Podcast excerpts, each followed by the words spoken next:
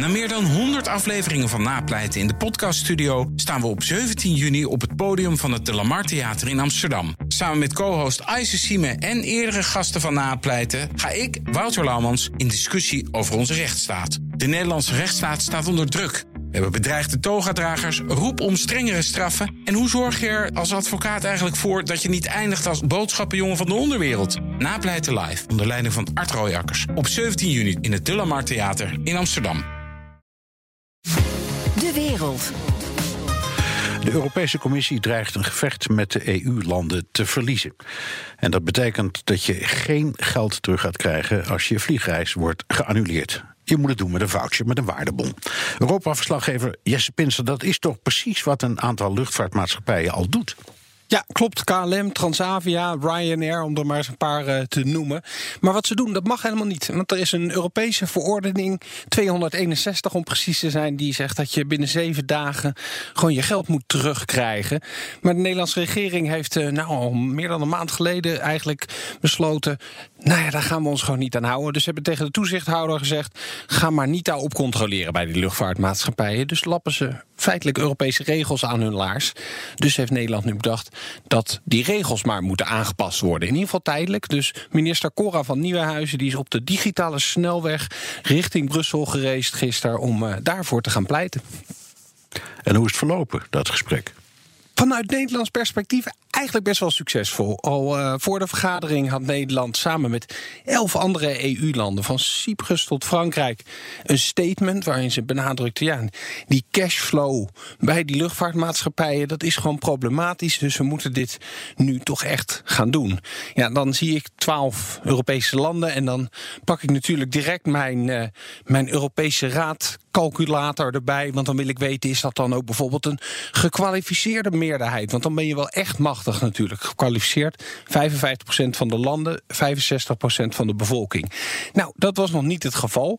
Frankrijk is groot, maar de rest dat waren allemaal vrij kleine landjes. Maar tijdens de vergadering hebben ze toch ook andere landen weten te overtuigen. Duitsland, Spanje, Estland, Roemenië.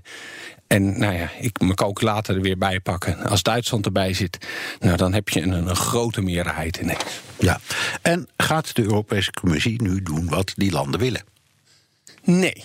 Tenminste, voorlopig nog eventjes niet. Uh, commissaris Valian, de Roemeense commissaris die over transport gaat, die, ja, die liet eigenlijk een beetje weten wat ik begrijp van de discussie is nog niet afgerond. Ook binnen de Europese Commissie nog niet. Ze hadden hiervoor het standpunt van luchtvaartmaatschappijen: maak die voucher maar zo aantrekkelijk dat die consumenten, die mensen die een ticket gekocht hebben, gewoon zeggen: Nou, doe mij die voucher, maar ik, ik wil mijn geld helemaal niet terug.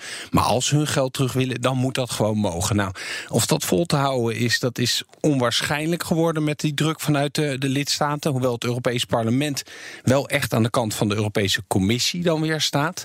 Maar uh, ja, ze rekken de boel nog een beetje. Ik heb een beetje navraag moeten doen van waarom dan. Maar ze willen het ja, in een samenhangend voorstel. En dat samenhangende voorstel dat moet dan over toerisme gaan en hoe dat verder moet in deze coronacrisis. Dat voorstel komt waarschijnlijk over een week of twee. Dus nee, dan zit daar waarschijnlijk wel iets in over dat uh, Nederlands voorstel. Waarvan ik heel eerlijk moet zeggen dat de consument ook wel een beetje beschermd wordt nog steeds. Hoor. Want die voucher die verloopt dan op een gegeven moment. Dat is nu meestal na een jaar. En dan zou je alsnog je geld terugkrijgen.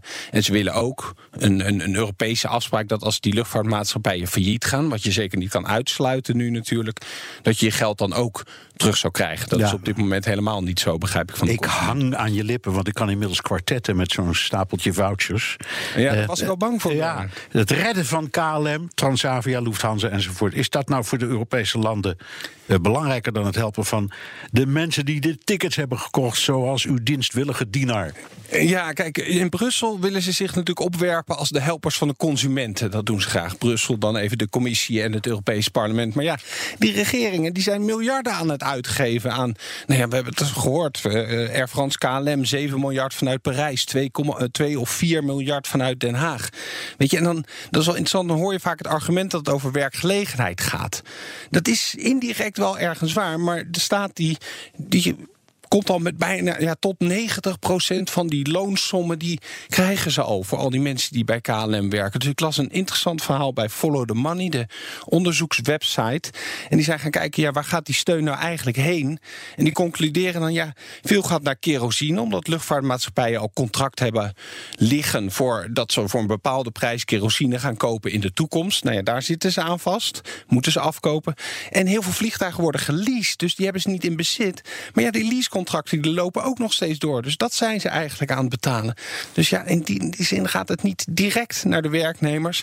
Maar ja, neem niet weg dat er een cashflow probleem is. Dus ik uh, denk dat uh, ja, een deel van de rekeningen die ze moeten betalen straks betaald worden. Toch van de centjes die wij, jij en ik overmaken voor vliegtickets. Dankjewel. Hebben gemaakt, want ik koop geen tickets meer. Dankjewel, Europa-verslaggever Jesse Pinster. Ook Bas van Werven vind je in de BNR-app. Ja, je kunt live naar mij en Iwan luisteren tijdens de ochtendspits. Je krijgt een melding van Breaking News. En niet alleen onze podcast Ochtendnieuws, maar alle BNR-podcasts vind je in de app. Download nu de gratis BNR-app en blijf scherp.